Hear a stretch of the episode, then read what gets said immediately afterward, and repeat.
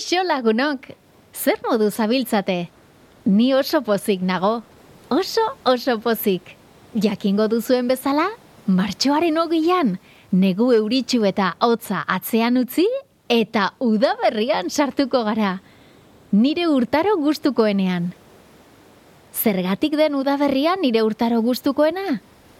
Esan dizuedan bezala, hotza eta euria atzean utzi, eta egun epeleta goxoagoak bizitzen ditugulako udaberrian. Baina, batez ere, udaberriko usainak ditut nik gustuko. Lore eta fruitu freskoen usain gozoa. Mmm, ze goxoa. Paperezko abentura berria ezagutu aurretik, gomendio bat luzatuko dizuet. Garbitu ondo sudurzuloak, gaurko bidaia honetan, usainak izango dira protagonistak. Ordu laurdenean prestatu da Ana. Sustraitik urdintzen hasitako hile umela moto txiki batean biltu. Ene lagunok, enaiz konturatu tramankulu zarrau grabatzen hasia zenik. Bar, barkatuko didazue, baina liburu bat irakurtzen harrapatu nauzue. Nerea Ibarzabal bertsolari eta idazlearen Bar Gloria eleberria. Ezagutzen alduzu, eh? Galdetu gurasoa ziur ezagutuko dutela.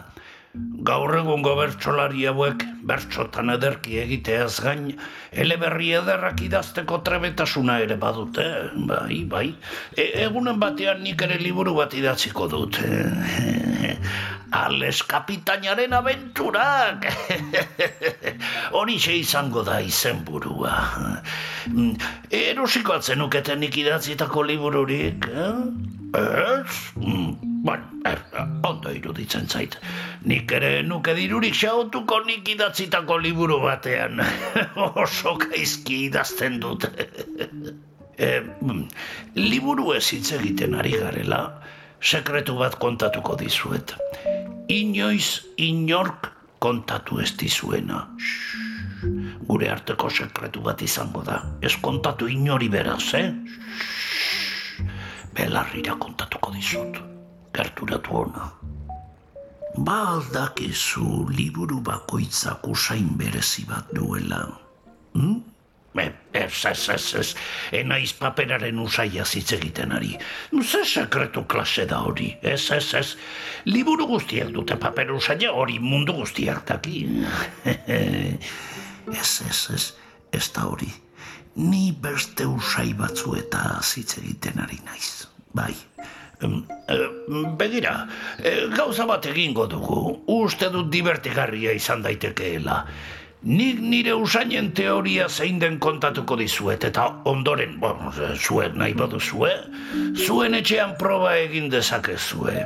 Modu honetan nire teoria zuzena edo okerra den jakingo dugu, eh?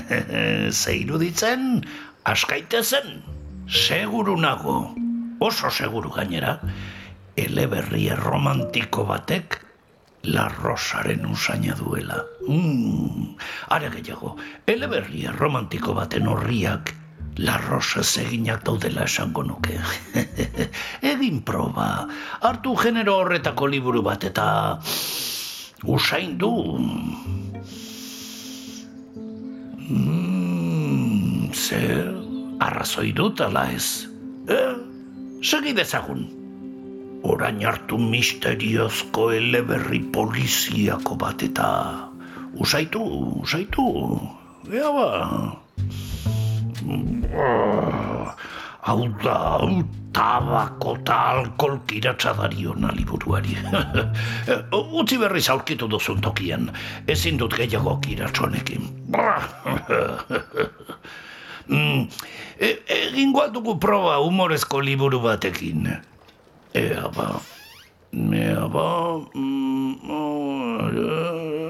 hau bera.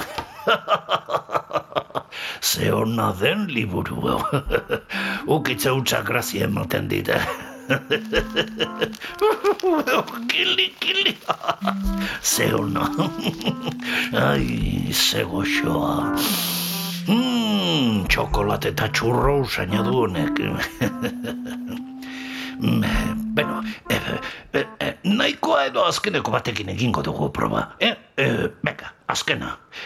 Azkenengo honetan, poesiazko liburu baten usaina deskubrituko dugu. Hmm, enago seguru ze usain dena, baina... Eh? Abai? Ez diaren usaina da, hau? Ze kristo, ze egiten du erle batek liburu honen barruan. Ai, ai, ai, amatxo maitea. Banoa korrika. Egin alduzue proba. Zer iruditzen Alexen teoria, zuzena ala okerra da?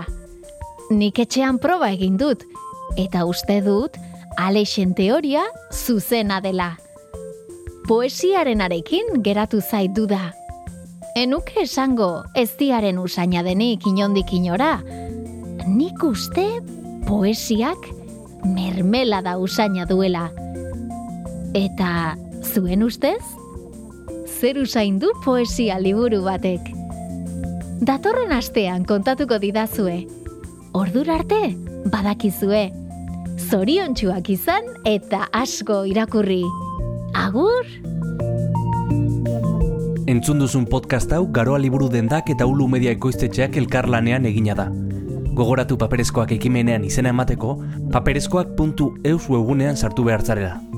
paperezkoak.eus Urren gori arte. Ei, entzun hori. Ulu Media